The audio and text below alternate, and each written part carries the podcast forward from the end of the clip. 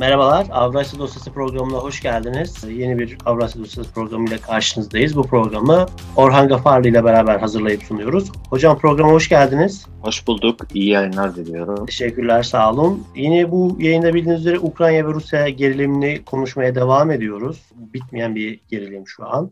İlk olarak da şunu sormak istiyorum. Yani 2008'de bildiğiniz üzere Gürcistan'da bir Rusya ile Gürcistan arasında bir savaş oldu. 2021'de yine Rusya'nın dolaylı da olsa dahil olduğu bir Karabağ Savaşı vardı Azerbaycan arasında. Şimdi 2020'de bir Ukrayna-Rusya savaşı beklemeli miyiz? Sorunuzu şu şekilde e, cevaplayayım. 2008 Rusya, Ağustos'ta Rusya ile Gürcistan arasında çıkan savaşla Karabağ'da Ermenistan'la Azerbaycan arasında çıkan savaş farklı e, jeopolitik denklemlerde gerçekleşti. 2008 savaşı Rus e, Gürcistan'ın Güney Ossetya tarafından gelen sürekli tacizlere verdiği bir askeri hareketle verdiği bir cevaptı. Fakat bu askeri hareketin sonucu Rusya bir başa savaşa müdahil oldu ve Gürcistan'ın askeri birliklerini Ossetya'ya girişini engelledi. Ve engellemekle beraber Gürcistan'ın içine kadar girdiler. E, bu savaş bölgede birçok ülke için yani bölge dediğim eski Sovyet ülkeleri için ve sınır sorunu olan domuz çatışmalarla uğraşan ülkeler için şu bir ders niteliği oldu. Şu, şu şekilde bir ders niteliği oldu. Rusya bölgede savaşlara müdahil olabilir. Herhangi bir savaş Rusya'nı Rusya'yla görüşülmeden, anlaşılmadan veya onu bir taraf bir taraflığını sağlamadan, tarafsızlığını daha doğrusu sağlamadan savaş yürütmek, e, toprak bütünlüğünü sağlamak, egemenliği sağlamak zordur. Mümkün değil. Azerbaycan için bu bir dersti. Ee, Azerbaycan 2008'den itibaren Rusya ile dikkatli bir ilişki kurdu. Hem dikkatli hem de dengeli bir ilişki kurdu. Yani bir taraftan Azerbaycan, Türkiye, Gürcistan işbirliğini genişletti. Diğer taraftan Rusya ile ekonomik ve askeri ilişkilerini geliştirdi. Askeri ilişkilerden kastım Rus e, pa silah pazarından yeni teknolojik silahları almaya başladı. Neredeyse 2018'e geldiğimiz zaman Rusya ile Azerbaycan arasında silah ticareti 5 milyar dolara aşmıştı. Yani benzer şekilde Azerbaycan İsrail'den İsrail'den de silah alıyor. Güney Kore'den de alıyordu ve Türkiye'den de alıyordu. Hatta ortak üretimler söz konusuydu. 2020 savaşında Azerbaycan bir şekilde Rusya'nın bu savaşa karışmamasını sağlayabildi.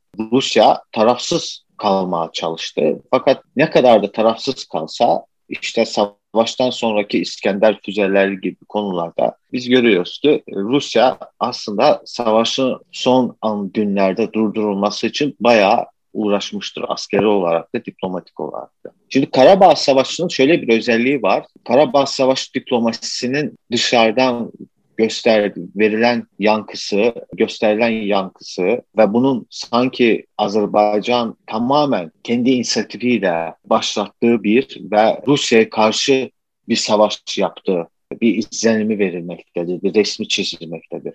Evet, Azerbaycan ordusu Karabağ'da savaştı. Yani binlerle şehit verdi.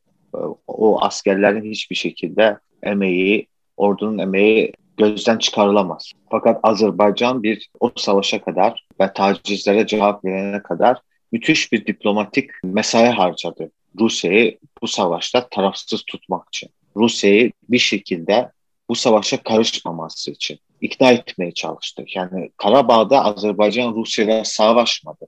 Karabağ'da Azerbaycan Ermenistan'la savaştı. Fakat eski Sovyet ülkeleri içerisinde özellikle bazı batıcı gruplar bu savaşı bir Rusya karşıtı savaş olarak kullanmaya başladı ve Rusya'ya rağmen olduğunu anlatılmak istendi veya anlatılıyor. Ve özellikle Ukrayna'da benim e, gördüğüm e, birçok çevrelerde Karabağ Savaşı'nı üzerine doğru bir okuma olmadı. Bu doğru okumanın olmaması Ukrayna'da şu fikri e, kafalara getirdi. Acaba biz Azerbaycan gibi savaşırsak topraklarımızı, toprak bütünlüğümüzü, topraklarımızı geri alıp toprak bütünlüğümüzü sağlayabilir miyiz? Bence bu Karabağ Savaşı'nı doğru okumama Ukrayna'yı ve Ukrayna'daki yönetimi bu gerginliği tırmandırmaya Şimdi e, bu gerginlik tırmanması e, çok tehlikelidir. Çünkü her an bir kaza olabilir. Bu kontrollü bir gerginlik vardır şu an. Ama bu kazanın çıkması durumunda küçük veya orta çaplı çatışmalar olabilir. Kimisi toprak kaybedebilir, kimisi ya, toprak alabilir, yeni toprak kazanabilir. Yani onun için de ben Ukrayna'nın bu gerginliği tırmandırmakta, Ukrayna yönetiminin özellikle şu anki yönetimden kastediyorum, gerginliği tırmandırmakta ve gerginliği tırmandırma niyetinde Karabağ Savaşı'nı doğru okumama arka planını görüyorum. Bilmiyorum fikirlerimi ifade edebildim mi? Evet hocam. Evet tam ikinci soru da bununla alakalı aslında. Yani tamam Ukrayna bu, bu şekilde görüyor. Yani bu jeopolitik bağlamında, Avrasya jeopolitik bağlamında baktığımızda hem Ukrayna hem Rusya bu jeopolitiği doğru mu okuyor ve taraflar neden bu gerginliği daha da tetikliyorlar? Yani Rusya'da özellikle buna e, meraklı mı? Ukrayna tarafına biraz cevap verdiniz ama. Ukrayna aslında Ukrayna tarafına da tam cevap vermedim. Aslında bu hikayenin devamı var Karabağ Savaşı'ndan sonra. Bir kere Amerika'da Biden iktidara geldi ve Almanya'da Merkel gidiyor ve büyük ihtimal Merkel'in yerine gelecek Laschet, Laschet umarım ismini doğru ifade ediyorum. Daha e, Avrupa merkezi ve Alman ben merkezli bir siyaset yürüteceğini görüyoruz. Almanya ile Rusya arasındaki Kuzey Akım 2 projesinin bitmesini isteyen bir siyasi elittir. Ve tabii Rusya ile Almanya'daki bugünkü e, Hristiyan Demokrat Parti'nin elitleri arasında bir uyuşma vardır, jeopolitik anlaşma vardır gibi bir görüntü var. Ukrayna bundan çok rahatsız. Çünkü Ukrayna Avrupa'da en önemli müttefikini kaybedebilir Almanya'yı ve Ukrayna Almanya'yı e, kendi arkasında görmek istiyor ve arkasında gördüğü zaman da Rusya'ya karşı daha sağlam bir direniş göstereceğini düşünüyor. Tabii bu, bu bunun jeopolitik kısmıdır. Bunun e, jeoekonomik kısmı Ukrayna üzerinden Avrupa'ya ciddi miktarda yani neredeyse %50'ler %50'yi aşan, %50 oranını aşan bir gaz tranziti söz konusu. Yani Rus gazı Avrupa'ya Ukrayna üzerinden gidiyor. Ve Ukrayna için Kuzey Akım 2 ekonomik ve transit ülke olarak rolünün düşmesi anlamına geliyor Kuzey Akım 2 projesinin gerçekleşmesi. Bu Ukrayna'yı çok rahatsız ediyor. Eğer Kuzey Akım 2 gibi bir proje Almanya-Rusya arasında gerçekleşirse Ukrayna için e, jeopolitik mağlubiyet anlamına gelecek ve Avrupa'da en önemli müttefini kaybedeceği anlamına gelecek ve e, hatta Almanya ile Rusya arasında bir Ukrayna paylaşımı mı olur diye tehlikesi söz konusudur. Biden'ın da iktidara gelmesi Ukrayna için aslında bir fırsattır ve bu fırsatı kullanmak istiyor Rusya'ya karşı. Çünkü demokratların ötekisi, demokrat seçmenin ve demokrat siyasi elitlerin ötekisi Rusya'dır. Yani Amerika'da çok ilginç bir ötekiler vardır, dış ötekiler e, partiler arasında. Mesela Çin'in Cumhuriyet Partisi'nin dış politikada ötekisi veya dış mihrap dedikleri dış düşman Çin'dir. Demokrat Partisi içinse Rusya'dır. Ve bunu e, Ukrayna e, okuyor e, ve bu süreci kullanarak, bu gerginliği tırmandırarak Rusya'nın aslında bir hata yapıp yapmasını istiyor ve bu hata sonucu Rusya'nın ciddi bir ekonomik embargoyla e, yüzleşmesini sağlamak istiyor. Yani bu şu demektir, Ukrayna e, Swiss bankalar arası transit işlemlerinin, bankalar arası e, transfer işlemlerinin ben çıkarılması anlamına gelen bir yaptırımı bekliyor.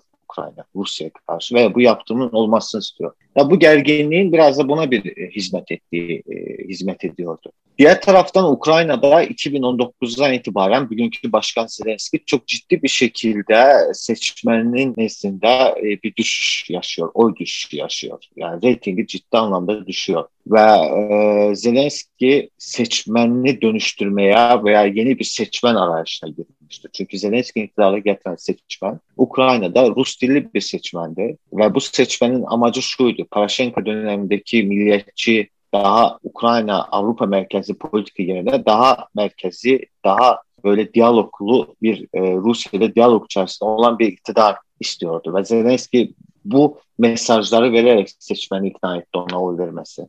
Çünkü Poroshenko'nun yaptığı politikanın bir sonucu olmadığını söylüyordu. Şimdi Zelenski kendisi kendisinden önceki başkanın seçmenine odaklandı. Yani bu gerginlik de Rusya arasındaki gerginliği tırmandırarak, savaş havası ülkede e, oluşturarak milliyetçi seçmeni e, kapmak istiyor ve milliyetçi seçmenle bir işbirliği yapmak istiyor ve e, Rus dilli seçmeni de dönüştürmeye çalışıyor. Yani bu Zelenski'nin biraz da iç politik hamlesidir.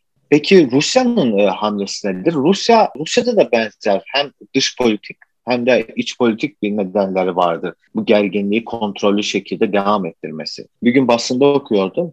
Yani Ukrayna-Rusya sınırında askeri hastaneler yapılıyor. Yani bu çok ciddi bir sinyaldir. Bu bir savaş sinyalidir. Yani askeri birlikleri oraya konumlandırmak ayrı. Bir de sınırda hastaneler yapmak bu şu demektir. Ben savaşa hazırım. Ben her an savaşabilirim. Aslında Rusya dünya şu mesajı veriyor. Ben jeopolitik hırsımdan, jeopolitik hakkımdan geri çekilmeyeceğim. Eski Sovyet ülkeleri benim için kazus bellidir. Yani oraya Avrupa'nın girmesi benim için savaş ilanı demek. Batı'nın oraya girmesi veya NATO'nun oraya girmesi. Bunu zaten Putin 2007 Münih konuşmasında söylemiştir.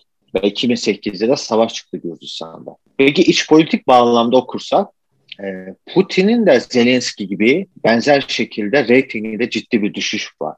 Yani bunun nedenleri e, ekonomidir, pandemi dönemidir. E, Rusya'ya karşı Kırım ilhakından dolayı yaptırımlardır. Ve bu e, yaptırımların e, getirdiği zorluklardır. E, insanlar bunu hissediyorlar ve Rusya'da yapılan birçok rating çalışmalarında dolayı sorularla Putin'in reytingini e, %50'lere doğru indiği bu e, söyleniyor. Yani bu Kırım ilhakından sonra ya da Putin'in iktidar döneminde en ciddi düşüştür. Yani kime oy vereceksiniz sorusundan baş vererek bir sonuç alınamaz Rusya'da. Fakat şu yapılıyor.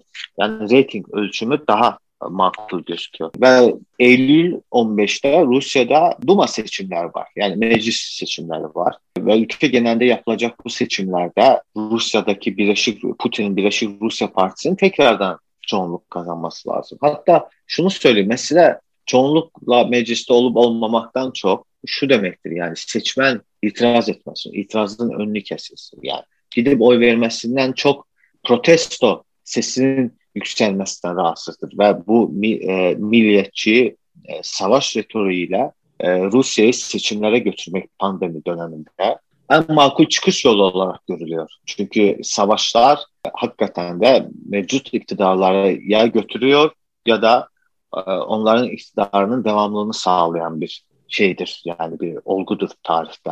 E, bunun için de e, hem Rusya'da hem Ukrayna'da iç politik gerekçeler olduğunu görüyoruz. Hatta işin ilginç yanı benzer gerekçeler Amerika'da da var. Yani Amerika'daki iktidar e, demokrat seçmene işte biz dış düşmana karşı mücadele ediyoruz izlenimi veriyor. Resmini çiziyor. Yani o seçmenin iştahını doyduruyor yani. Bir iştahı vardır, iştahını doyduruyor yani bu şekilde gıdalar. Yani dış düşman gıdası. Çünkü Rusya'nın, ABD'nin içinde işte hakerlerle e, daha sonra Rusya'nın seçim müdahalesi her gün konuşulan bir şeydir ve neredeyse Rusya karşı yaptırımları e, bütün bunlar haklılık gerekçesi olarak üretiliyor, e, kullanılıyor ya da diyelim. Hani böyle ilginç bir şekilde bu kontrollü gerginlikte buna Rusça Igraniervo diyorlar. Sinir oyunu yani bir sinir oyunu vardır. Bu biri birinde bu sinir oyununda yani bir sinir patlayabilir. Ve bu çok tehlikeli bir şey. Yani umarım bugün e, Boris, Boris Akunin var Rus edebiyatçısı. Aslında Gürcü kökenli Rus edebiyatçıdır. Onun şu sıralar 3 ciltlik, 2 ciltlik Rusya tarihi üzerine güzel çalışmaları e, okuyorum ve sabah mülakatını dinledim. Yani birinci Nikolay'ın akıbetini yaşamaz e, Putin. Yani birinci Nikolay 1825'te Ar Aralıkçılar isyanının hemen arkasından tahta çıktı ve Kırım Savaşı'na kadar e, tahta kaldı. Yani 1855'te öldü. Yani bilinmeyen nedenlerden dolayı öldüğü söylendi ve yerine 2. Alexander tahta çıktı. Büyük e, reformcu. E, yani bugünkü Rusya umarım birinci e, Nikolay döneminin akıbetini yaşamaz. Yani için, üçüncü bir Kırım Savaşı'na bu gitmiyordur umarım. Yani e, çünkü tarih tek, tekerrür eder derler, hep tekrarlanır. Yani Rusya için e, ve Osmanlı Çıkrım Savaşı diyelim 18. yüzyılda Osmanlı için çok kritik bir savaştı. Küçük ondan sonraki Küçük Kaynarca Anlaşması Osmanlı'nın neredeyse zayıflamasına neden oldu ve e, düşüşüne, çöküşüne giden bir sürecin birçok tarihçi başlangıcı olarak görüyor. Diğer taraftan Çarlık Rusya'nın çöküşüne götüren sürecin ve 1856 yani e, yani biten Kırım Savaşı'yla bir çöküşün başlangıcı. Büyük reformlar bile Çarlık Rusya'sını kurtarmadı büyük çöküşten. Ben umarım benzer e, tarih tekrardan yaşanmaz. Ama iş oraya geliyor ki yine de Rusya'nın tarihi, Ukrayna'nın, Batı'nın iktidar e, mücadelesi yine Karadeniz'de, yine Kırım'da, yine Ukrayna'da yaşanıyor. Anladım hocam. Ukrayna, Rusya ve Amerika perspektifinden, iç ve dış perspektiflerinden her iki her üç ülkenin de gayet güzel açıkladınız. Son olarak da şunu sormak istiyorum yani bu e, Amerika kadar aslında Rusya'ya sert bakmayan yaptırımlar konusundan da bir Avrupa var. Yani bu Ukrayna krizi Rusya ve Avrupa ilişkilerini nasıl etkileyebilir? Dediğiniz gibi sonbaharda hem Almanya'da hem Rusya'da da bir seçim de var. Onu da hatırlatmış olayım tekrardan. Şimdi Almanya'da da seçimler var doğru dediniz. Yani Alman-Rus ilişkileri tarihi bakımından her zaman Avrupa'ya yön veren bir seçim olmuştur. Yanılmıyorumsa İngiliz diplomatların bir sözü vardı Birinci Dünya Savaşı'nda. Aynı kıtada hem güçlü Rusya hem güçlü Almanya istemeyiz. Yani e, Alman-Rus işbirliği Avrupa jeopolitik dengesini ciddi şekilde e, değiştirip ve dönüştürebilir. Yani diyelim İngiltere ile Fransa'ya müttefik yapabilir. Türkiye ile İngiltere ilişkilerini güçlendirir. Yani bu ilişkiler çok böyle hassastır. Hassas bir dengeler vardır. Yani Avrupa'da neredeyse 18. yüzyıldan itibaren şekillenmiş. Ve bu hassas dengeler savaşa götürüyor. Bu dengenin e, kırılması, değişmesi durumunda savaşlar ortaya çıkıyor. E, Rusya için özellikle Putin iktidarı için Almanya Avrupa'da en önemli müttefiktir ve Almanya ile ilişkileri çok önemsiyor. Dolayısıyla bütün ekonomik, e, siyasi ilişkilerini Almanya üzerinden geliştiriyor. Neredeyse bütün yatırımlar, iş dünyası Almanya'ya gidiyor Rusya'da. Ve ciddi bir Alman etkisi de Rusya'da söz konusudur. E, bu ilişkilerin akıbeti tabii ki Merkel, e, Merkel veya Hristiyan Demokrat Partisi'nin iktidarda kalıp kalmayacağıyla bağlıdır. Çünkü Almanya'da da biz görüyoruz ki ciddi şekilde muhalif sesler yükseliyor. Yani muhalif partiler, Sosyal Demokrat Partisi'nin, Yeşiller Partisi'nin, Alternatif Almanya Partisi'nin oylar yükseliyor. Son gelen anketlerde gördüğümüz gibi. E, Rusya'da da benzer şekilde e, Asyacı bir ekibin sesinin yükseldiğini görüyoruz. Yani yeter artık bu Avrupa ile olan ilişkilerimizi bu kadar sorunlaştırdık, dert yaptık. Yönelim Asya'ya. Asya'da e, gelişmiş ekonomiler var, gelişmekte olan ülkeler var. Onlarla işbirliği yapalım, ticaretimizi oraya açalım, bağlarımızı oraya geliştirelim diye bir e, fikir söz konusudur. Yani Rusya'da her, yani neredeyse her yüzyılda bu tartışma vardı. Doğu mu batı tartışması. Ve bugün de tekrardan biz artık kaç yıldır bu tartışmaların ciddi şekilde yükseldiğini, e, güçlendiğini ve doğucu ekibin gittikçe iktidar içerisinde güçlendiğini görüyoruz. Yani da bunu biraz şikayetvari şekilde yani e, sistemli şekilde Lavrov da ifade etti. Yani Avrupa ile ilişkiler çok kötü bir noktaya gelebilir Rusya için. Bugün Avrupa ile ilişkiler nasıl bir durumdadır?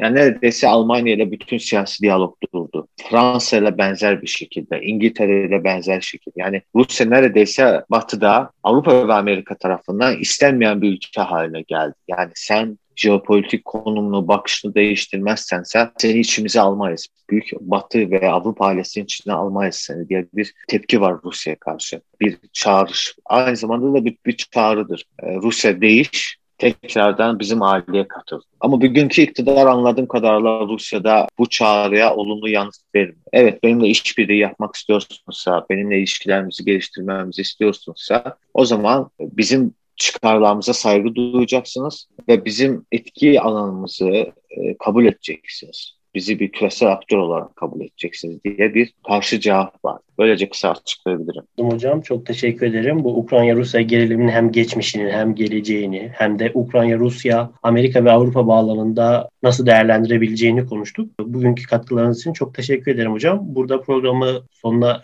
geliyoruz. Sizin son olarak söylemek istediğiniz herhangi bir şey var mı hocam? Yok. Söyleyeceğimi söyledim aslında. Tamamdır hocam. Çok teşekkürler. Tamam. Avrasya Masası programının sonuna geldik.